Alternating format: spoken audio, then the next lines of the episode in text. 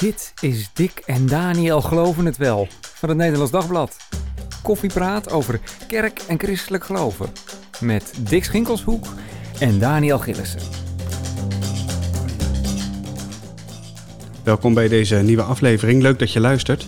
Mijn naam is Dick Schinkelshoek en we gaan het vandaag hebben over wat er gebeurt, wat de gevolgen ervan zijn als je suggereert dat er zoiets gaat komen als een, als een great reset.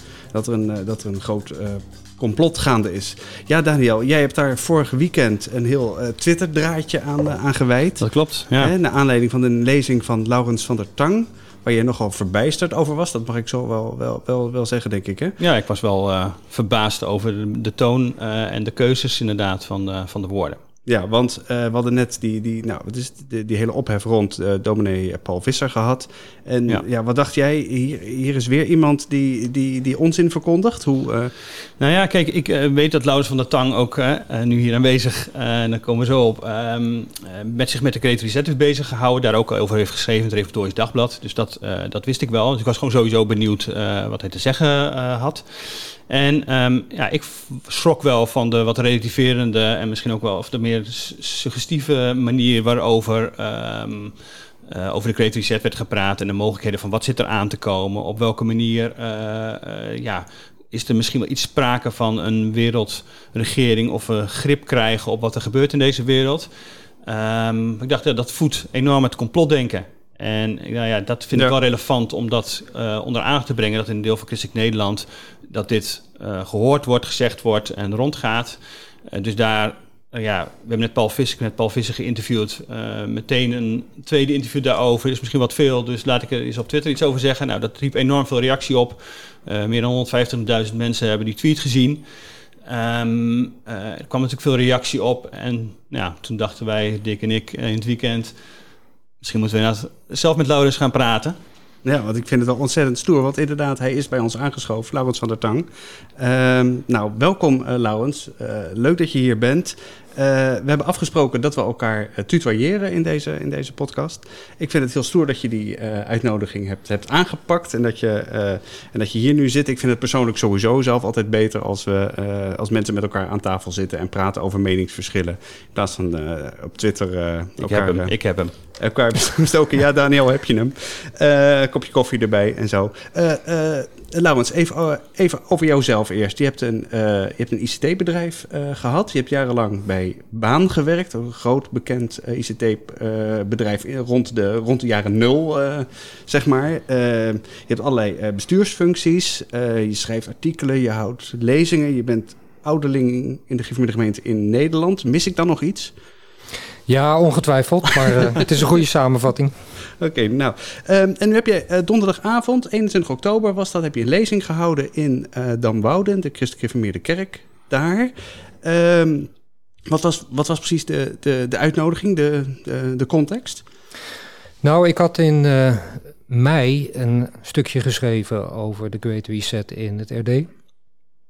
En één of twee maanden daarna belde dominee Egas mij die de predikant is van uh, de gemeente in Damwoude.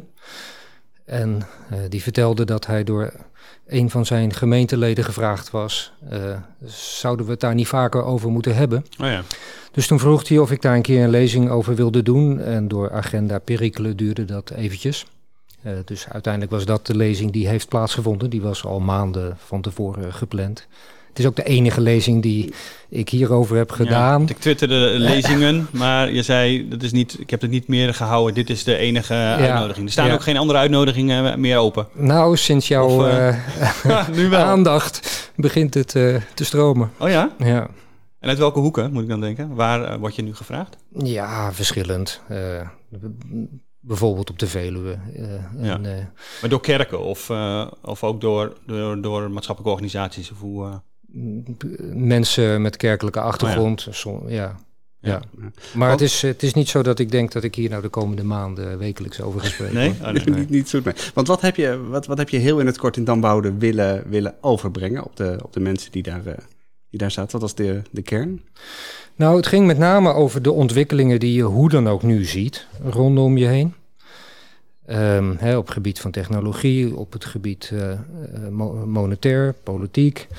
Um, en hoe corona daar een soort van katalysator in is, of een versneller. Mhm. Ja. Nou, dat is eigenlijk wat Klaus Schwab in zijn boek ook beschrijft. Hè? 80% van zijn boek is een beschrijving over ontwikkelingen die gaande zijn. En hij noemt dat de Great Reset. Ehm, en ik heb daar twee visies op willen delen. Ja. De eerste visie was de meer optimistische visie. En dat is ook de visie waarvan ik denk dat veel leiders in deze wereld die aanhangen. En de mooie kanten die aan Great Reset zouden kunnen zitten. Ja, en, en, en ook de, nou ja, de, de haalbaarheid ervan. En met elkaar kunnen we, het, eh, kunnen we de klus klaren, Ja. zeg maar. Ja. En, en, en anderzijds de meer pessimistische visie, Ja. als je wilt. eh, die ook de, de, ja, de gevaren en de, eh, de nadelen of de mogelijke problemen ziet. Ja. En ik heb beide willen behandelen om in een poging om evenwichtig te zijn. Nou ja, in hoeverre ik daarin geslaagd ben, dat, eh, dat is dan aan jullie. Kennelijk niet volledig. Eh, maar dat was de opzet van de lezing. Ja, want even die, die Great Reset voor mensen die daar misschien niet heel erg in thuis zijn. Eh, eh, Klaus Schwab, hè, voorzitter van het Wereld Economisch Forum, die heeft in juni vorig jaar gezegd: van volgens mij moeten we het hierover gaan hebben, want als de coronacrisis iets laat zien, dan is het dat grote mondiale problemen alleen maar, ook, wat is het, op een internationaal, mondiaal niveau kunnen worden aangepakt. Hè? Eh, groeiende ongelijkheid tussen landen, armoede. eh, nou, dan vergeet ik vast ook nog, nog, nog een aantal dingen. Wat zijn, wat zijn dan de belangrijkste, eh, dat soort, die, die, die thema's dus? Ja, nou, Schwab die benadert het een beetje als van... luister, dit is een ontzettend grote uitdaging, maar het is ook een enorme kans. Het is, is nu heel veel in beweging. Dus als we met elkaar de juiste dingen weten te doen... dan kunnen we juist deze grote crisis gebruiken om naar een betere wereld te, te gaan. Versneld. Mhm. Want onder druk worden de dingen vloeibaar. ja, Ja. dat. Eh, en dat moeten we met elkaar doen, want we zitten in een hele complexe wereld. Dus daar heb je ook goede mondiale governance voor nodig. En hij zegt dan ook zoiets van ja, en als dat niet lukt met de bestaande organisaties, dan hebben we nieuwe organisaties nodig.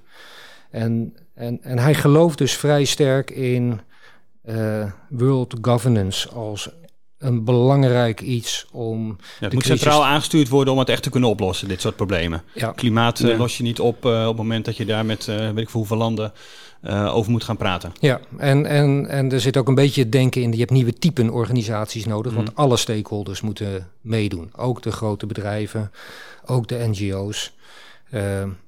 Want die hebben er ook allemaal een bijdrage aan te leveren, die hebben ook allemaal hun belangen. Eh, Ja. En dus moet je het met elkaar doen. Ja, De tot, grote bedrijven samen met de overheden. maar tot nu toe denk ik, ehm, we hebben enorme problemen in de wereld. Problemen die we eh, inderdaad, als, zeker als klein Nederland, zo helemaal niet meer kunnen oplossen. Wat is, dit lijkt me een goed plan.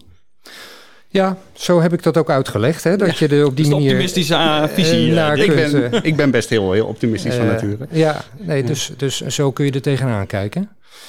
Ehm, maar goed, onderliggend, en dat is wat ik in Mhm. mijn verhaal heb ook willen aangeven, zie je daar ook een aantal tendensen. Ja. Persoonlijk geloof ik helemaal niet in zo'n centrale wereld governance. Ehm, Dat het een goed idee is of dat hij er is of dat hij er komt. Nee, wat dat, dat, dat dat een realistisch en goed idee is. Ja.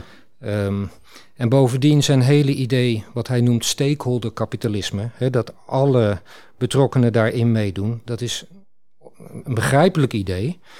Maar tegelijkertijd is dat ook een fuzzy-idee waarbij het, eh, de vraag is van ja, maar hoe zit het dan met de democratische legitimiteit Ja. van, van zo'n structuur? Hè? Wie, wie gaat daar dan uiteindelijk nog over? En heb je daar als burger dan ook nog invloed op? Of is dat iets wat zich aan je waarneming min of meer onttrekt, omdat dat Mhm. een heel complex, fuzzy eh, Ja. krachtenveld wordt? Ja.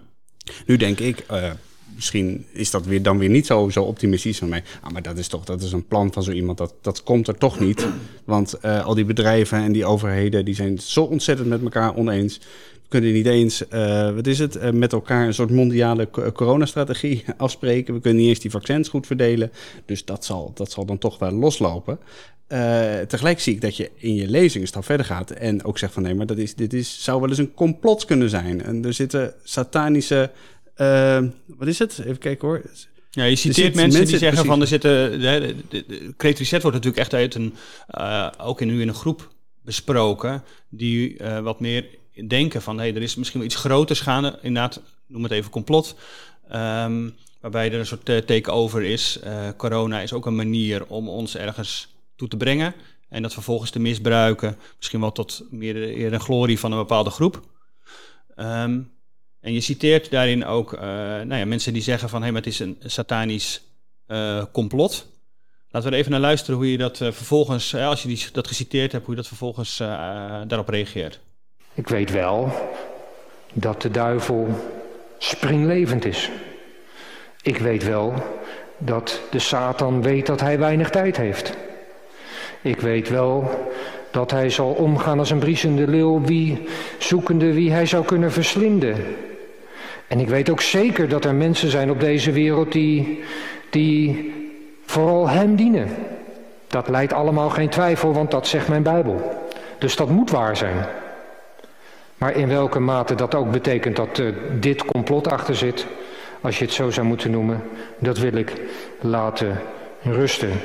Het is niet uitgesloten, maar het is ook iets wat we denk ik niet volkomen kunnen doorgronden.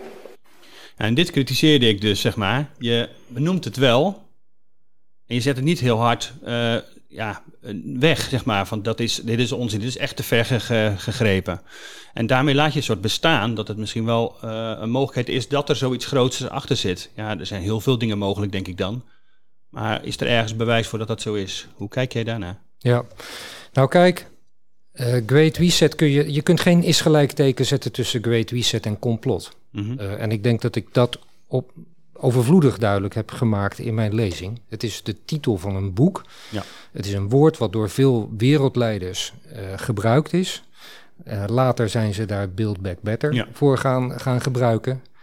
En als je Klaus Schwab leest, dan is het hoofdzakelijk een beschrijving van grote ontwikkelingen die gewoon gaande zijn. En die op zichzelf ook ja, niet te ontkennen zijn. Dat er een versnelde ontwikkeling is naar een digitale wereld. Uh, dat de banken enorm in actie zijn gekomen en allemaal op dit moment geld drukken. Eh, dat zijn gewoon dat zijn feiten. En dat alles bij elkaar wordt aangeduid als de Great Reset die aangaande is, waarbij zo'n Klaus Schwab zegt van ja, maar er moet wel een schepje bovenop. Want ja, precies. Hij zo... zegt het is, dit is de Great Reset, maar het kan ook een begin zijn gewoon van een of het zijn misschien wel ontwikkelingen die gewoon in deze tijd plaatsvinden, zonder dat dat een, uh, nou ja, betekent dat er echt een grotere gedachtegang achter zit. Ik hij benoemt het als Great Reset. Uh, maar ik heb niet, niet. Heb jij zelf indruk dat er wereldleiders zijn die echt zeggen: oké, wat Klaus Schwab zegt, dat zo moet het inderdaad gebeuren. Die kant moet het inderdaad op. Nou, het is, het is heel veel complexer dan dat. Hè? Hmm. Dus je kunt niet zeggen van er is een klein groepje re regeringsleiders ja. die dit met elkaar aan het uh, afstemmen zijn en die uh, als het ware dit besturen. Ze komen en, ook met z'n tientallen naar, uh, naar Davos toe de, ja. om met de Swaap te praten. Maar. Ja, ja, ja, nee, maar goed, dat is natuurlijk, het is, het is heel veel ingewikkelder dan dat. Er is heel veel beïnvloeding. Er is ook kuddegedrag, naar mijn overtuiging. Hè, de, er is landen die volgen elkaar na. Uh, clubs als de World Health Organization hebben daar natuurlijk een, een, ook een plek in om daarin, als het gaat over gezondheidszorg bijvoorbeeld, om daarin ook uh, richting te geven. Uh, maar het is natuurlijk niet toevallig in die zin dat bijvoorbeeld nu alle centrale banken in de wereld op dit moment, zeg maar even plat gezegd, geld aan het drukken zijn. Ze hebben allemaal hetzelfde soort van monetaire beleid. En daar praten ze natuurlijk ook met elkaar over. En het is niet dat iemand dan bepaalt van nou we gaan dat allemaal doen. Mm. Maar ja, het, is wel... het is niet een soort masterplan. Uh... Nee, nee, nee. Misschien denken dat... ze wel, hoera, eindelijk eens een keertje een beetje eenheid in de wereld. We zijn het niet over veel dingen eens, maar blijkbaar kunnen we nog wel wat afstemmen met elkaar. Zou ja, je het ook zo kunnen bekijken? Nou ja, wie weet. Um, um, maar maar daarom, hè, wat ik zei, je kunt niet een, een is gelijk zetten, uh, teken mm -hmm. zetten tussen de Great Reset en een complot. Tegelijkertijd, als ik mijn Bijbel lees, mm -hmm. en dan gaat het even over die satanische invloeden. Kijk, als bijvoorbeeld Paulus uh, zegt hè, in Efeze 6. Voorts, mijn broeders, wordt krachtig in de Here en in de sterkte zijner macht. Doet aan de gehele wapenrusting Gods, opdat gij kunt staan tegen de listige omleidingen des duivels. Want wij hebben de strijd niet tegen vlees en bloed, maar tegen de overheden, tegen de machten, tegen de geweldhebbers der wereld der duisternis deze eeuw, tegen de geestelijke boosheid in de lucht. En dat zijn allemaal aanduidingen, als je de kanttekeningen erbij pakt, van de duivel Ja, en zijn trawanten. Dus dat de duivel, de Satan, een realiteit is. Mhm. Dat er goed, een strijd is tussen goed en kwaad op deze eh, wereld. En dat er dus ook ongetwijfeld mensen zullen zijn die meer direct aan de kant van de Satan staan. Dat is voor mij logisch. Ik, ik bedoel, ik kan Ja. de Bijbel niet anders lezen. Hoe zich dat vervolgens vertaalt, ja, dat weet ik niet. Ik denk niet dat je daar hele simplistische opvattingen over eh, moet hebben. Van nou, dat is dan zo'n kleine elite die ergens in een bunker aan eh, knoppen zit, eh, zit Ja, te precies. Ge- geïnspireerd door de duivel, dat dat allemaal zit, zit, Ja. zit uit te voeren. Ja. Nee, wat, maar eh, ehm, je legt natuurlijk wel die, die link tussen, tussen dit plan, tussen Klaus Schwab en, eh, wat is het? En de, eh, de duivel, Efeze 6. De, de, wat is het? De, de machten in de, in de lucht. De overheden, eh, eh, even misschien voor de luisteraars, duidt hier niet volgens mij op, op gewoon overheden zoals wij die kennen in, de, in, in deze tekst, maar over, wat is het, hogere machten, ja. zeg maar. ja, ja. Hè, de, de kanttekening zegt daarvan letterlijk... de apostel geeft hier de Satan en zijn engelen deze Ja, titels. Precies, ja. Precies, maar, eh, maar, die, maar die link, die, nou, misschien leg je hem niet, maar dan suggereer je hem toch wel. Dat er tussen deze ontwikkeling en, eh, nou, en de macht van de duivel een, eh, een verband zit. Nou, die is er denk ik ook in een bepaalde mate. Eh, hè, bijvoorbeeld, je ziet nu wereldwijd toch meer een beweging naar staatsgestuurde samenlevingen. ehm, die ook soms wat totalitaire trekjes eh, beginnen te vertonen. Bijvoorbeeld, ik zat gisteren te kijken naar Australië, wat daar nu op dit moment gebeurt. Daar is de eh, vaccinatie is verplicht voor iedereen, er zijn geen uitzonderingen op. Daar, eh, vervolgens moet iedereen zo'n coronapas ook verplicht gebruiken. Ehm, dus je kunt niet winkelen, je kunt niet werken, je kunt niet naar de kerk gaan zonder dat je je pasje laat, eh, laat Dus zien. zonder, dus zonder dat je geprikt bent. En zonder Ja. dat je geprikt bent. Daar staan mega boetes op.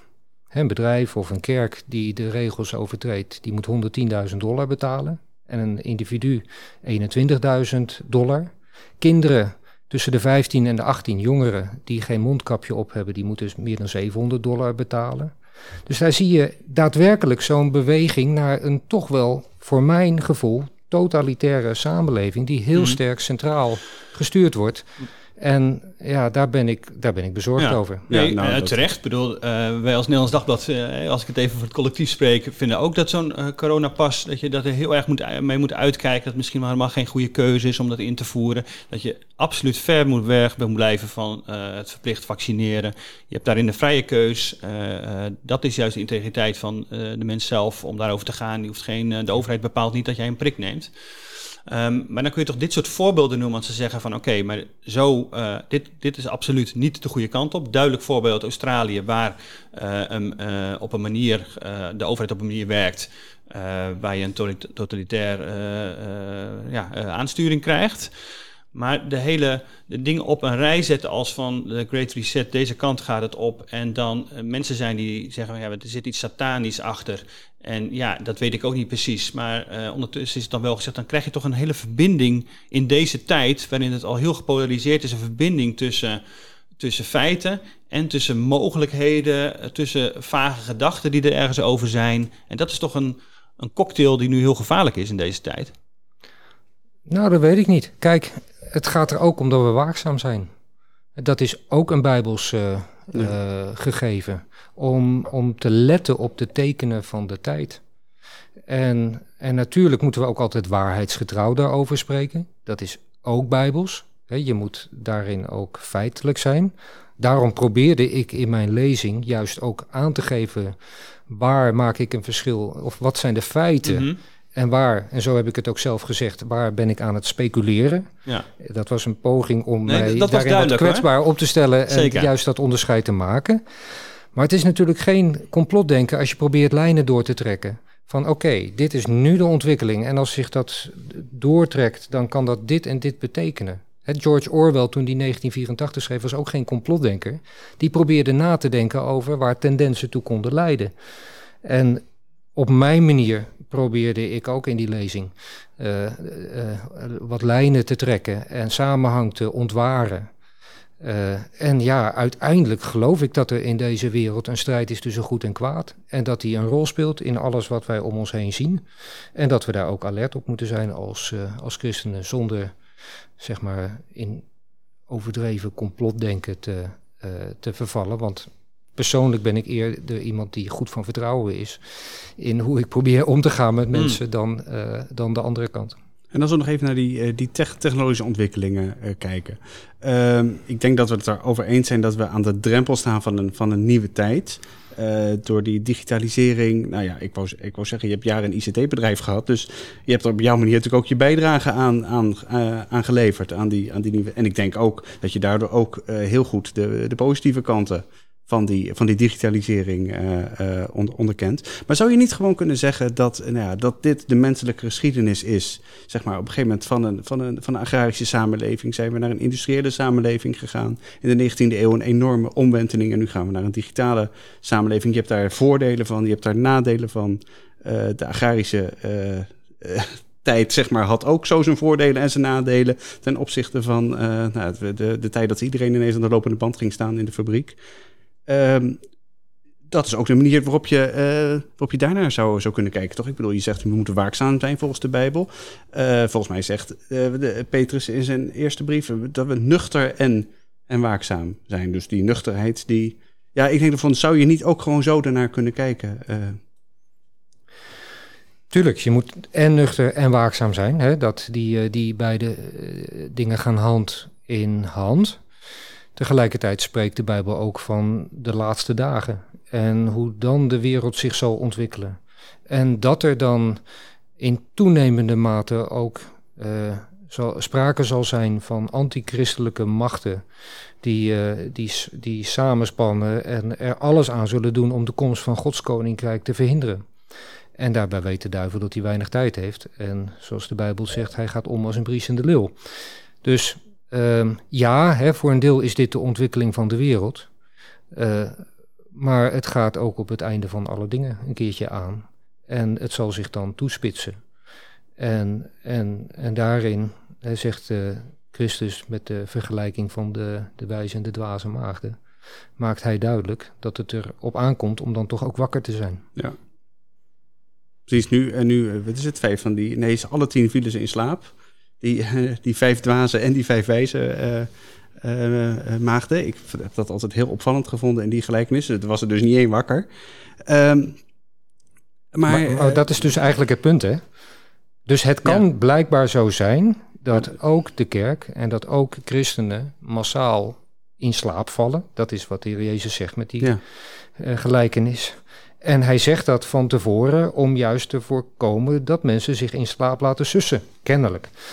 Um, dus, ja. ja, maar toch is echt dat het verschil tussen, goed, daar worden we het misschien niet helemaal over eens, maar tussen alert zijn en inderdaad waakzaam zijn, wat gebeurt in deze wereld. We moeten niet zomaar alles laten gebeuren en overal ja we aan opknikken. Um, en, en anderzijds een soort doemscenario schetsen.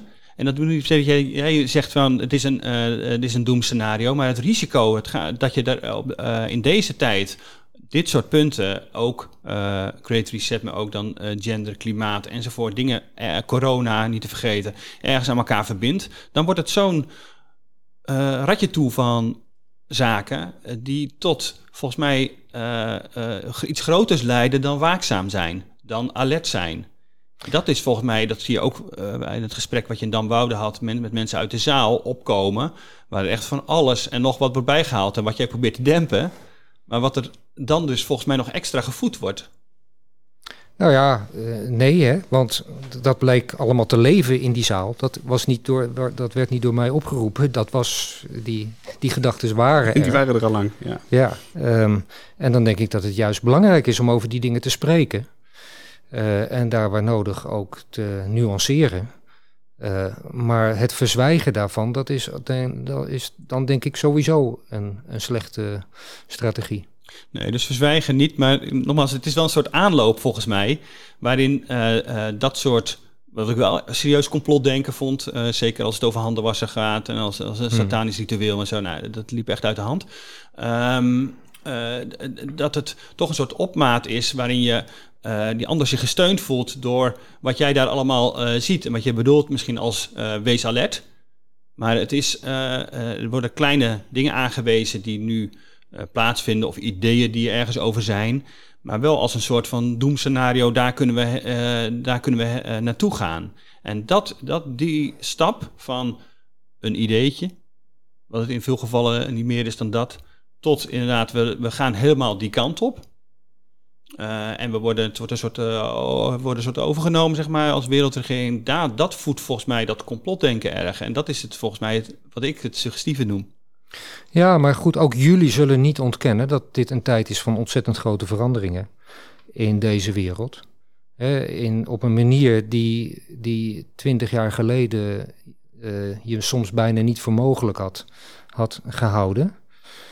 Um, bijvoorbeeld hoe genderideologie een hele dominante manier van denken uh, uh, aan, het, uh, aan het worden is, die op alle lagen van de maatschappij zich laat voelen. Um, en dat er zo een aantal grote ontwikkelingen gaande zijn, ook op het vlak van technologie, maar ook op andere gebieden. Um, ja, ik denk dat het niet alleen gaat over die individuele ontwikkelingen. Ik denk dat dat naïef is om ze allemaal zeg maar, in, in, in hokjes mm. te stoppen en te zeggen: Nou, oké, okay, je, hebt, uh, je hebt gender en je hebt technologie. Het hangt met elkaar samen. Het hangt, de, er is samenhangen, er is wisselwerking tussen, de, tussen die dingen. Uh, en het is goed om daarover na te denken. En ik beweer niet dat ik daar het laatste woord over, over heb. Integendeel. Maar ik denk wel dat het goed is om daar uh, gewoon fundamenteel op te bezinnen van... oké, okay, wat is er nou gaande? En dit is dus interessant, vind ik deze. Want het koppelen zeg maar, van die dingen. Wat is daar, waarom heeft corona iets met gender te maken? Of waarom heeft uh, de Great Reset iets met, met gender te maken? Waar zit dan die koppeling? Nou, Klaus Schwab in zijn Great Reset-visie kiest heel nadrukkelijk voor de Sustainable Development Goals mm -hmm, van de Verenigde, de Verenigde Staten als zeg maar het goede morele kompas waar de wereld op zou kunnen varen. En in de Sustainable Development Goals is uh, genderdenken een belangrijk thema. Uh, dus, dus ja, die samenhangen zijn er. En, maar zit die samenhang er dan ook in dat het inderdaad, dat dat dan het gevaar is, die combinatie? Dat je daar dan ergens denkt van oké, okay, op zichzelf bepaalde dingen kunnen goed zijn, maar het gaat mis in de combinatie? Want ik denk niet dat elke technologische ontwikkeling dat je daarvan denkt, uh, dat moeten we niet doen. Nee, maar het is, het is altijd ingewikkelder dan je, dan je zelfs in zo'n podcast als deze met ja, elkaar zeker. kunt bespreken. Ja. Maar het is naïef om te zeggen, nee, er is geen samenhang. Eh, ik uh, bedoel, moet je allemaal apart bezien. Er is wel degelijk samenhang. En het is aan ons met elkaar om te proberen dat een beetje te begrijpen. Ja. En tegelijk is het dus voor mij het risico daarvan dat het complotdenken wordt. Dat je inderdaad het allemaal gelijk stelt en, uh, en, en al die dingen. De een hangt, haakt op gender, de andere haakt op eh, klimaat, de volgende op corona, de derde op, of de vierde op, op Great Reset. En het wordt één dingetje waar, nou ja, zie je wel, ze zijn met ons bezig. Ja, nou ja, het gevaar zal misschien zijn complotdenken, maar het andere gevaar is allemaal rustig doordutten. Uh, en, en geloven en hopen dat het allemaal wel goed zal komen en er niet over nadenken. Uh, ik denk dat je of in, je, stapt of in de ene of in de andere valkuil. Wellicht. Hè, het is een soort van smal paadje daar tussendoor. Uh, en ik heb geprobeerd op dat smalle paadje te, te, lopen. Wat is, wat is even, nog, nog even terug naar dat gender. Wat is, wat is wat u betreft het grootste, het grootste issue waar, dat, nou, wat, nou, waar het voor u op vast zit?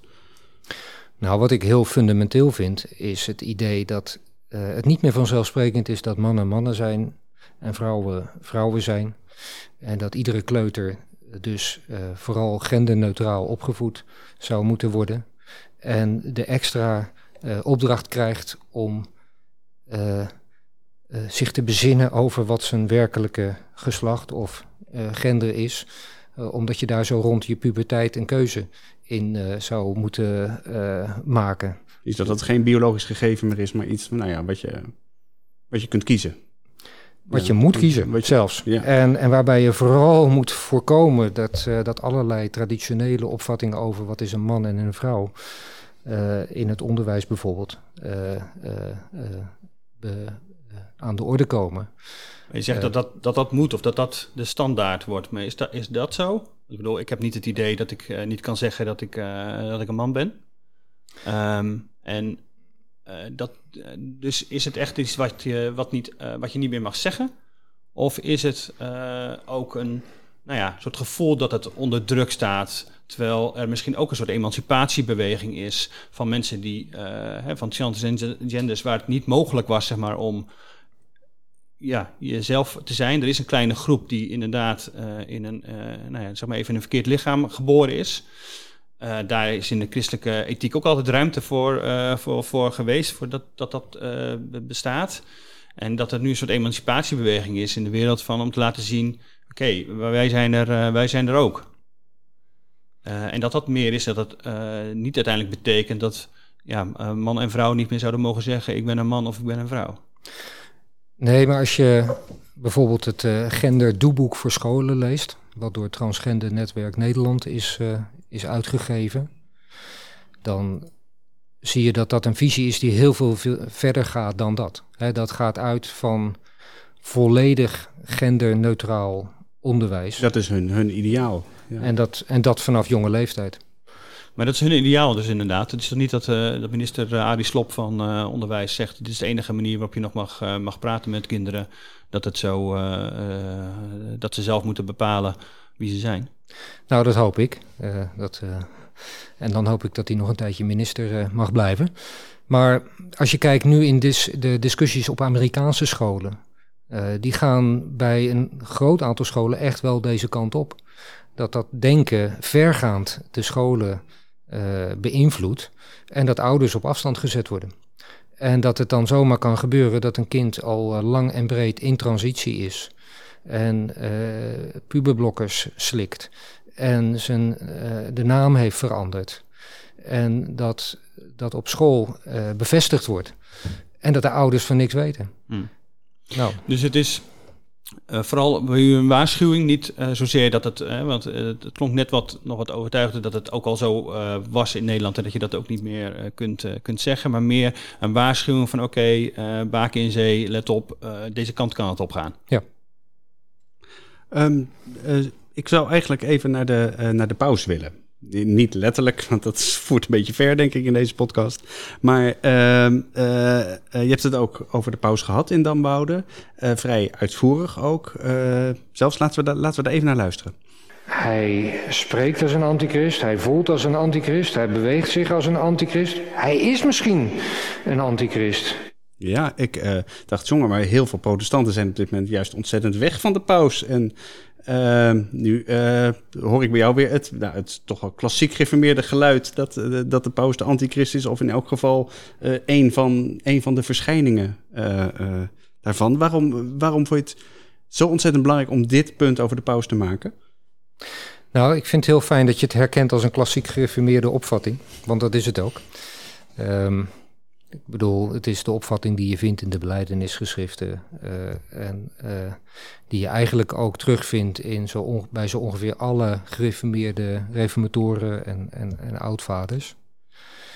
Um, en dat is dus ook de opvatting waar ik mee groot ben uh, geworden. Um, en dan vind ik het opvallend dat de vorige paus, die was best belijnd in zijn, zijn denken, hè? bijvoorbeeld over Christus uh, en, en de plaats die hij heeft. Het valt mij op bij deze paus uh, dat, ja, ik, daar heb ik een totaal ander, andere indruk bij. Het is een heel andere paus, dat kunnen we feitelijk met elkaar wel ja, vaststellen. Ja, ja. ja. Uh, en ik vind het dan bijvoorbeeld heel opvallend dat zo'n dat Biden en, en Pelosi door hem met alle egars ontvangen zijn de afgelopen weken. Uh, terwijl uh, mevrouw Pelosi is voorstander van abortus tot de geboorte. er ligt nu ook een wetsvoorstel in het Amerikaanse Huis van Afgevaardigden wat, wat dat wil bewerkstelligen. Nou, hoe je, hoe je dat kunt rijmen met klassieke rooms-katholieke opvattingen, dat is mij echt een, een, een, een raadsel. Maar de, Maar, maar de paus als staatshoofd die eh, ontvangt toch altijd eh, andere wereldleiders. Dat is altijd gebeurd. Hebben alle pauzen gedaan. Even los van hun standpunt. Eh, los van het standpunt van de wereldleiders die ze ontvangen. Dat die, dat, dat die bij de paus welkom zijn. Dat hij met ze spreekt. Dus dat is voor mij geen verschil met andere pauzen. En wat bij deze paus nog betreft. Is er geen enkele paus die zulke stevige uitspraak tegen abortus heeft gedaan als, als Franciscus. Die zegt in zijn eh, toespraken ook. hij spreekt over moord. Hij noemde mensen die abortussen uitvoeren. Zelfs huurmoordenaars. Wat hem op veel kritiek kwam te staan. Hij heeft zich juist heel expliciet ook tegen abortus uitgelaten. Ehm, en dat je dan praat met iemand die een andere mening is toegedaan, maakt toch niet dat jij eh, ook die mening aanhangt? Nou, hij praat, hij houdt communie met hem. Hij doet dat Met tegen, beide. met beide. Hij doet dat tegen de zin in van rooms-katholieke leiders in Amerika. Hij zegt tegen hem, of hij laat merken dat hij dat vindt dat hij dat vooral ook moet blijven doen. Biden. Eh, dus het gaat wel iets verder dan. Maar dat is ook een katholiek gesprek. standpunt, dat je, dat, je erbij- dat je mensen erbij houdt en niet uitsluit. En tegelijk wel kritiek hebt op hun, eh, op hun, eh, hun mening. Ja, maar goed, als dat zo gewoon rooms-katholiek is, dan is het wel apart dat zoveel rooms-katholieke leiders in Amerika dat heel anders zien. Ja, Maar moeten we dan niet ook zeggen, bedoel, eh, we hadden het even over dit, dit is het klassiek gereformeerde kijk op de paus, dat is de antichrist of een verschijning daarvan. Ehm, maar we kunnen natuurlijk ook zeggen dat de Rooms-Katholieke Kerk in de afgelopen eh, eeuwen, nou of in elk geval de afgelopen tientallen jaren sinds de Tweede Vaticaanse Concilie ontzettend veranderd is, aan het veranderen eh, is. Eh, je noemde net zelf de vorige paus, eh, waarin ik zelfs enige sympathie in je woorden meende te, te eh, bespeuren. Dat, dat misschien de gereformeerde theologie ook wel veel te lang is blijven, blijven hangen in het idee dat de paus de antichrist is of een belangrijke verschijningsvorm Ik vind het zelf altijd ontzettend treffend dat eh, binnen de SGP, eh, volgens mij nog in 1939, enorm werd gewaarschuwd voor het gevaar uit Rome, terwijl de, de, de, de legers van de Weermacht al bij de, al bij de grenzen eh, stonden. Dus het kan ook een soort, het kan, het kan er ook tot een soort blikvernauwing leiden. Mhm. Ja, dat, dat, dat is zo. Alleen wat bijvoorbeeld dan aan de huidige paus ook opvalt, is dat hij een pleitbezorger is ook van zo'n wereldregering. Heeft hij zich eh, een en andermaal over uitgelaten, dat hij dat wenselijk vindt. Nou, eh, dat, dat, dat, dat vind ik iets wat een beetje te denken geeft. Ik ben met je eens, hè. Zelfs Bunyan in zijn christenreis, die schrijft over de paus als een eh, eh, soort van eh, zieke oude man die ergens langs de straat zit en die niet meer zo heel veel te, te zeggen heeft. dan hoef je er niet veel van aan te trekken. Dan hoeven we er ook niet bang voor te zijn als dat het is. Nee, dat, dat is ook zo. Alleen tegelijkertijd, hè, de Bijbel spreekt nadrukkelijk over een antichrist. Ehm, en, en ja, dus is er ook de vraag voor iedere christen van wat betekent dat?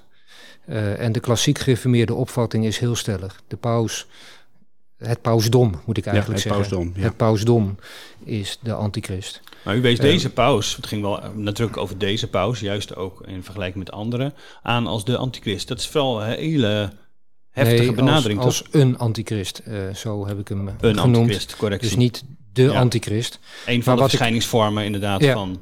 Maar wat ik er vooral mee heb proberen te zeggen is van je kunt niet uitsluiten dat de klassiek gereformeerde visie van het pausdom als de antichrist, wie weet, eh, kan het zo zijn dat, dat er ook nog, als er een, ook nog een persoon is, eh, of dat daar ook een soort van voortzetting van zou kunnen, kunnen zijn. Dat is, dat is eigenlijk wat ik, een, na, een, een nieuwe, nadere manifestatie Ja. van wat de Bijbel bedoelt met Ja. de antichrist.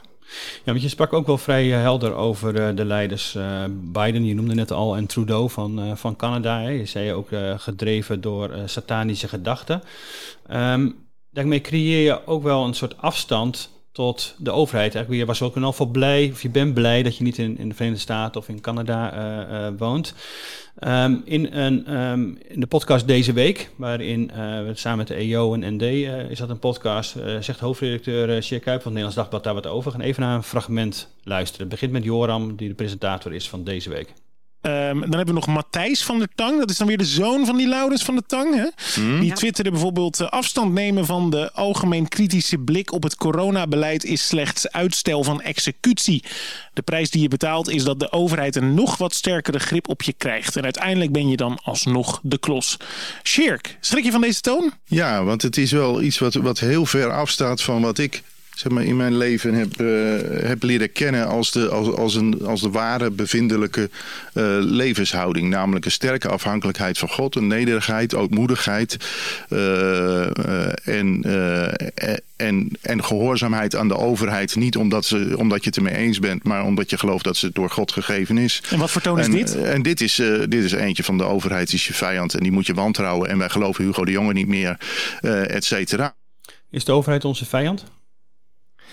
Nee, maar dat is natuurlijk niet wat Matthijs hier zegt. Hè. Matthijs heeft het over dat je kritisch moet staan tegenover het coronabeleid van de regering. Ik vind dat dat in de re- reactie niet eh, Mhm. heel veel recht wordt gedaan. Ehm, en ik denk dat daar, dat, dat compleet valide eh, kan zijn. Dat mag natuurlijk. Het is wel zo dat de klassieke gereformeerde opvatting over de overheid is. Die erkent de overheid als iets. Heeft veel respect Ja. voor de overheid. Hè? Dus het, het gehoorzamen van de overheid, zoals dat meen ik ook in Romeinen 16 eh, uitgebreid uit de Mhm. doeken wordt gedaan door Paulus. Ja, veel respect Eh, of van God gegeven? Is nog wel een Ja, door God gegeven. Ja. Hè? Dat zegt Paulus ook expliciet. Ja, precies. Ja, precies. Dat de overheid door, dat God door de overheid de wereld regeert. Ja, daar, Ja. Is, eh, hè, daar, is, daar is Paulus enorm eh, helder over. Dus Mhm. Voor iedere christen past daarom vergaande eh, overheidsgehoorzaamheid. Eh, en respect voor de overheid. Het eren van de overheid, zoals het vijfde gebod dat zegt, hè, over eert uw vader en uw moeder. Dat is altijd ook uitgelegd als dat betekent dus ook de overheid. Precies, de instituten boven Eh, jou. hè, Ja, die ja. moet je niet alleen respecteren, die moet je eren. Dat is de klassieke opvatting. En Hoe is- we dat nu vorm dan? Hoe kunnen we dat nu- nu vormgeven in deze tijd? Of hoe geef jij dat dan vorm? Nou, door daar in ieder geval met respect over te spreken. Ehm, en ook niet bij voorbaat uit te gaan van het, eh, van het Ja. slechte en de, de verkeerde bedoelingen. Maar is dan iemand die in Amerika luistert naar eh, de, de lezing in Damwoude en denkt, oké, eh, Biden wordt gedreven door satanische gedachten. Dan, verdwijnt het, dan verandert er toch wel wat in zijn houding tot, ten opzichte van de overheid? Zou kunnen. Ik heb niet gehoord van mensen in Amerika die luisterden naar Nee, de goed. lezing in Damwoude. Je Maar, hebt het niet over Hugo de Jonge gehad, maar daar wordt het in elk geval ook door christenen wel over gezegd. Hè? Dat Ja. dat het eh, ongeveer de Satan hemzelf is. ja. Nou ja, eh, de- zo spreek ik er niet over. Mhm. Hoewel ik kritisch ben op het coronabeleid. Laat Mhm. daar ook geen misverstand over, eh, over bestaan. Maar ik moet eerlijk zeggen, ik vind Biden een, eh, een verschrikkelijk president. Dat dat het beleid wat hij nu voorstaat rondom gender, maar ook hoe op alle fronten hij bezig is met allerlei nieuwe overheidsprogramma's, als die uiteindelijk goedgekeurd worden. Eh, zijn coronabeleid met verplichte vaccinatie. Eh, ja, ik, ik, ik heb daar nog niet iets positiefs in kunnen ontdekken, om eerlijk te zijn. En toch moet je hem dan eren als je tenminste Amerikaans staatsburger bent. Laten we daar dan even van uitgaan.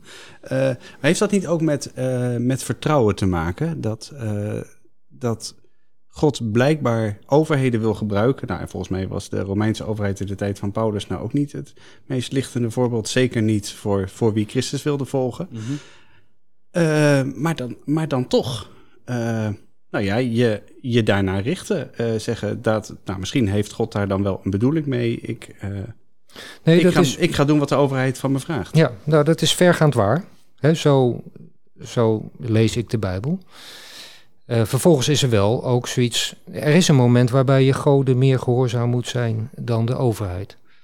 En dat is dat wanneer je je geweten spreekt. En, je, en, dat, en dat geweten op grond van de Bijbel zegt van ja, maar nu ga je een grens over die je niet mag gaan. Eh, dan kan er ook een moment zijn dat je ongehoorzaam moet zijn. Ja. Daniel, die bijvoorbeeld het verbod negeerde om voor Precies, geopende niet, vensters... niet deze Daniel, maar de Daniel uit de Bijbel. Ja. Eh, Maar, maar eh, hoe zie je dat nu dan concreet? Zijn er nu dingen waar je denkt, oké, eh, daar kan ik het echt op aanwijzen. Daar, op dat punt moeten we nu eh, wel heel erg opletten. Of sterker nog, daar hoeven we de overheid nu op dit moment niet te gehoorzamen. Ik zou in Nederland nu geen voorbeeld Hmm. weten te, eh, te verzinnen.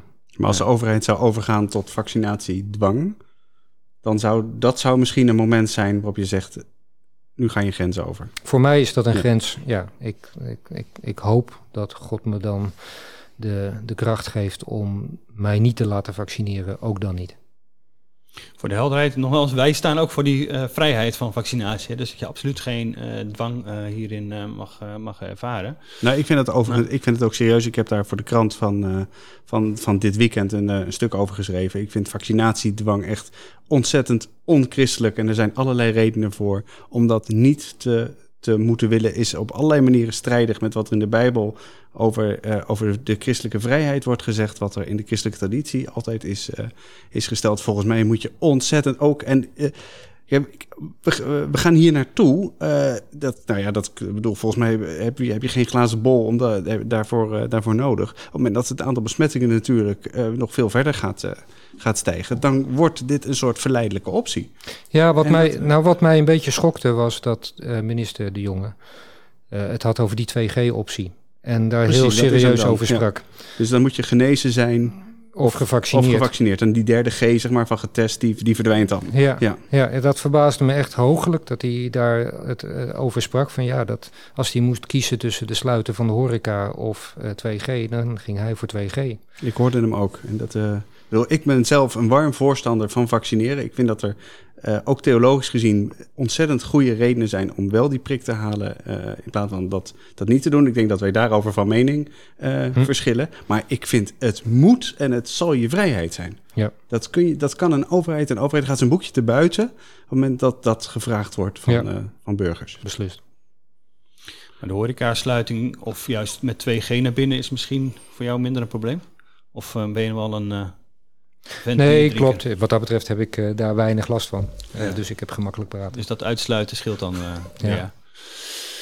Ehm, maar even over corona toch nog even kort. Ehm, je, daar werden ook wat relativerende opmerkingen in het publiek in Dambouwde gemaakt. Daar zei je van duidelijk van, de, hè, daar, corona is, zie je niet als een pandemie. Hè, het idee van het is inderdaad soort gepland om ons eh, eronder te krijgen, zeg maar, om te laten zien dat we, dat we heel gehoorzame eh, wezens eh, zijn.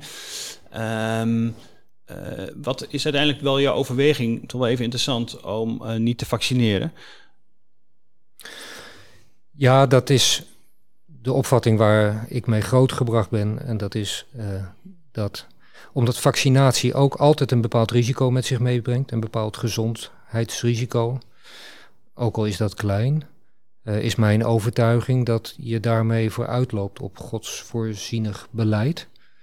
Eh, en dat een ziekte, die moet je aanpakken als je ziek bent. Eh, maar daarop vooruitlopen, eh, zoals je dat doet met een, een vaccin, dat, dat, daarvan geloof ik dat je dan te ver, te ver op Gods handelen vooruit loopt. Het is eigenlijk weer hetzelfde standpunt als we het hebben veel mensen gezien. Arie den Oude in op, op eh, 1, eh, SGP Ja. betrokken in Staphorst. Zei van oké, dat is de reden waarom ik niet vaccineer. Dat is hetzelfde als waar, waar jij voor hebt gekozen. Klopt. Ja. En voel je op een of andere manier verbondenheid met degene die om allerlei andere redenen eh, niet voor die vaccinatie eh, kiezen? Die dus eh, om overheidswantrouwen, het idee van chips, weet ik veel. Om dat soort redenen niet voor vaccinatie kiezen. Je ziet nu al wat bondjes ontstaan op dat vlak. Hoe kijk je daar tegenaan? Ja, ik volg dat natuurlijk met belangstelling. eh, want het is niet zo dat de medische kant van vaccinatie mij dan helemaal koud laat natuurlijk. Ik bedoel, eh, ik volg dat met interesse. Eh, en het is naar mijn mening ontegenzeggelijk zo dat A, de vaccins werken kennelijk toch minder goed als dat eh, gehoopt was. Ik weet dat ik een jaar geleden stond ik met, ook in een debat, er was een immunoloog bij, een hoogleraar uit van de VU. En zij zei van ja, kijk, als, ik hoop dat we 80% eh vaccinatie gaat houden. En ik, eh, zij had er vertrouwen in dat dat voldoende zou zijn. En dat was het breed, een breed gedeeld, eh, breed gedeelde Ja, hoop. ja, nou ja, ja, dat, ja. Dat, is tegen, dat valt tegen. Precies, want dat was nog voor Eh, de het doorbreken van de, van de Ja. Delta-variant. van die, die Ja. Daar heeft het mee Ja. te maken. Mutatie van virus, waardoor er meer mensen gevaccineerd moeten worden omdat het veel besmettelijker is en het dus sneller overdraagt. Maar, maar Ja, niet, niet per se met de werking van het vaccin te maken, toch? Nou ja, ook, ook het feit dat het al vrij snel in de tijd de werkzaamheid afneemt. Ja. eh, dat was Ja. denk ik niet voorzien. Maar je ziet ook, maar heeft toch wel, ik denk dat het belangrijk om daar wel even dan de vinger bij te leggen. Je ziet wel dat vaccins werken, want het helpt wel enorm als het gaat om beschermen in opname, ziekenhuis en IC. Ja, Nee. maar het, het werkt aanzienlijk minder goed dan gehoopt en gedacht. Maar, eh, maar dat maakt dan toch eigenlijk niet zo heel veel uit. Ik bedoel, eh, ik vind het eigenlijk ontzettend bijzonder eh, dat, je, dat je een heel principieel standpunt op tafel legt. Zeg van, volgens mij gaat dit in tegen Gods voorzienig bestel. Maar dat zou nog steeds zo zijn op het moment dat dat vaccin 100% werkt voor de rest van je leven. Dat maakt dan eigenlijk, dat zou dan eigenlijk helemaal geen verschil moeten maken, toch? Of, Voor mij persoonlijk Ja, maakt dat ook nee. geen verschil. Nee, ik bedoel, al zouden ze 100% werken en al zouden dan, dan nog, eh, zou mijn overtuiging zijn om eh, niet te vaccineren. Precies, want dat, dat is zo of het is niet zo. Dat, Ja. dat, dat, hangt, dat hangt dan niet af van, eh, nou, van de werkzaamheid bijvoorbeeld of van de, van de werkingsduur. Eh, en toch, en toch ben je daar heel erg mee bezig. Verdiep, verdiep je je daarin. Hoe zit, hoe, hoe zit dat dan precies? Begrijp, je- begrijp je wat ik bedoel, die, die spanning? Nou, ik ben daar niet heel erg mee bezig. In de zin van dat ik daar nou iedere dag mijn gedachten De over laat statistieken erop of naslaan. zo. Nee, nee. Nee, nee, nee. maar ja, ik bedoel, heel Nederland heeft het over vaccinatie. Dus eh, uiteraard verdiep je je dan in Hmm. zo'n onderwerp. En niet alleen de principiële kant er- ervan, maar ook de medische kant. Moet je samen optrekken? Straks als het, als het nog meer, nou ja, stel dat er meer druk nog op komt op, op eh, mensen die niet gevaccineerd zijn, met mensen die op een he- totaal andere redenen dan de orthodox gereformeerde reden eh, niet voor vaccinatie kiezen. Samen optrekken? Nou, je moet in ieder geval. Ik denk dat het belangrijk is dat al die stemmen klinken, ja. Eh, en samen optrekken, ik weet niet wat dat is. Hè, in de zin van wat zou dat dan praktisch betekenen. Maar als dat bijvoorbeeld zou eh, betekenen dat er een nationale petitie is. eh, voor alle mensen die vinden dat vaccinatiedwang uit de boos is, dan zou ik die graag tekenen. Ik wil eigenlijk naar het, eh, naar het laatste onderwerp. Eh, en volgens mij is dat ook het belangrijkste. Eh, dat is precies het punt waar jij je lezing in Daamwoude mee, mee afsloot. Laten we daar even naar luisteren. Want hebben we het over een Great Reset? Dat is de Great Reset. Een nieuwe hemel en een nieuwe aarde. Waarop geen geween meer zal zijn. Geen rouw, geen verdriet, geen geklag. En waar de zon en de maan niet meer hoeven te schijnen, want het lam is haar kaars. En daar zijn geen wereldleiders meer nodig. Daar is geen monetair stelsel meer nodig. Daar is Christus alles en in allen. Zult u er zijn? Zal ik er zijn? Laten we het hopen. Nou, ik vind dat ontzettend mooi. Ik vind een mooi slot van die, eh, van die lezing. Christus, alles in allen. Hè? Die nieuwe hemel en die nieuwe aarde. Geen geween meer, geen verdriet, geen, geen rouw, geen, eh, geen pijn. Geen corona ook, denk ik dan natuurlijk meteen. Want dat zit voor in je hoofd. Ehm, nou, hoe... ehm, eh, wij hadden even een voorgesprek voor, dit, voor deze podcast. En toen, toen zei je ook al van... Nou, voor mij is dat echt het, het belangrijkste. Eigenlijk gewoon het hele belangrijkste van dat hele verhaal daarvoor. Ja, zo is het. Ehm, ik moet eerlijk zeggen, ik ligt echt niet wakker van de Great Reset in, op de manier zoals we daar in deze Precies. podcast over hebben Met gesproken. de, de Great Reset met de kleine letters. zeg ja, maar. precies. De, God regeert en hij gaat recht op zijn doel af en zijn koninkrijk komt. En wij weten niet precies hoe dat gaat, maar het komt. En, en dan gaat het er uiteindelijk om voor ons allemaal individueel, hè, die wijze en die dwaze maagden, zijn wij bereid. Dus heb je olie in je, in je lamp. Ja, ja. en, en dat, is, dat is de grote levensvraag. Eh, en, en als je dat door genade mag weten, en dat is ook het allerbelangrijkste, dan kun je die dag ook met verlangen tegemoet zien. En dat is het punt wat ik inderdaad in Damwoude dan toch wilde maken. Ook, ook ter relativering van alle discussies over complotten en een Great Reset met kleine letters. Is dat dat is natuurlijk het grote ding waar het om gaat. Ja, ja. Eh, en dat is voor mij eh, oneindig veel belangrijker dan eh, wat er nu in deze wereld gebeurt. Maar zouden christenen het daar dan ook niet veel vaker met elkaar over moeten hebben, over die, over die hoop en die verwachting. Ja, Ehm, ja nou op twee manieren, hoop en verwachting, maar ook er is ook een laatste oordeel. Wat er, eh, wat er dan zal zijn. Dus het is ook iets diep ernstigs om, ja. om voorbereid te zijn. En daar kunnen we het niet vaak genoeg over hebben. maar misschien moeten we het dan nog wel vaker hebben over de Great Reset met een hoofdletter, zeg maar. Ja, Als we dat nu even, nu even bestempelen, dan, zeker. dan die met een kleine, met een kleine Ja. letter. Mee eens. Ja, ik denk wel dat dat. eh, wat is het over verschillen heen kan, kan gaan. Eh, Daniel, ik weet niet hoe jij daarnaar kijkt. Maar eh, nou ja, dat je elkaar niet op alle punten kunt vinden. eh, ook niet in een discussie over corona, maatregelen, vaccins. nou, hoe je zoiets als de Great Reset moet duiden misschien. Maar dat dit een soort perspectief is dat, nou ja, waar je het misschien nog wel veel meer met elkaar over moet hebben. Ja, kijk, zeker. En dit is natuurlijk een, mooie metafoor eigenlijk om die Great Reset te gebruiken inderdaad voor, voor wederkomst.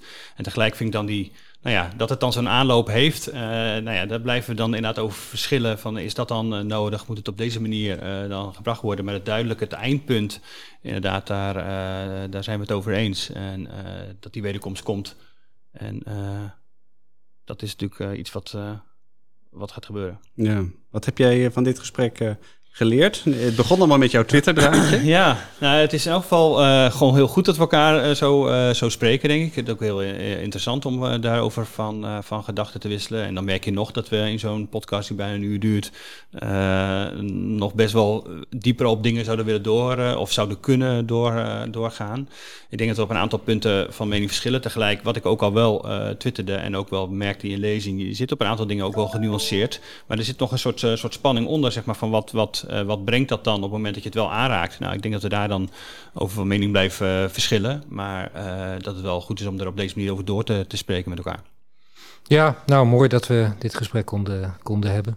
Nou, dat is natuurlijk allereerst. Ik vond het ontzettend bijzonder, Laurens, dat je hier eh, bij ons was in deze, in deze podcast.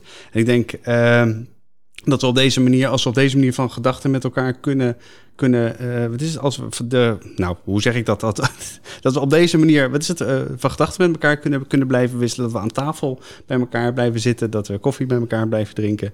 Eh, ik vind dat zelf heel erg bijzonder. Dankjewel dat je hier wilde, wilde aanschuiven. Ja, juist bij in die tijd van polarisatie, zeg maar, dan aan tafel. Ja. Ja, precies. Veel koffie drinken.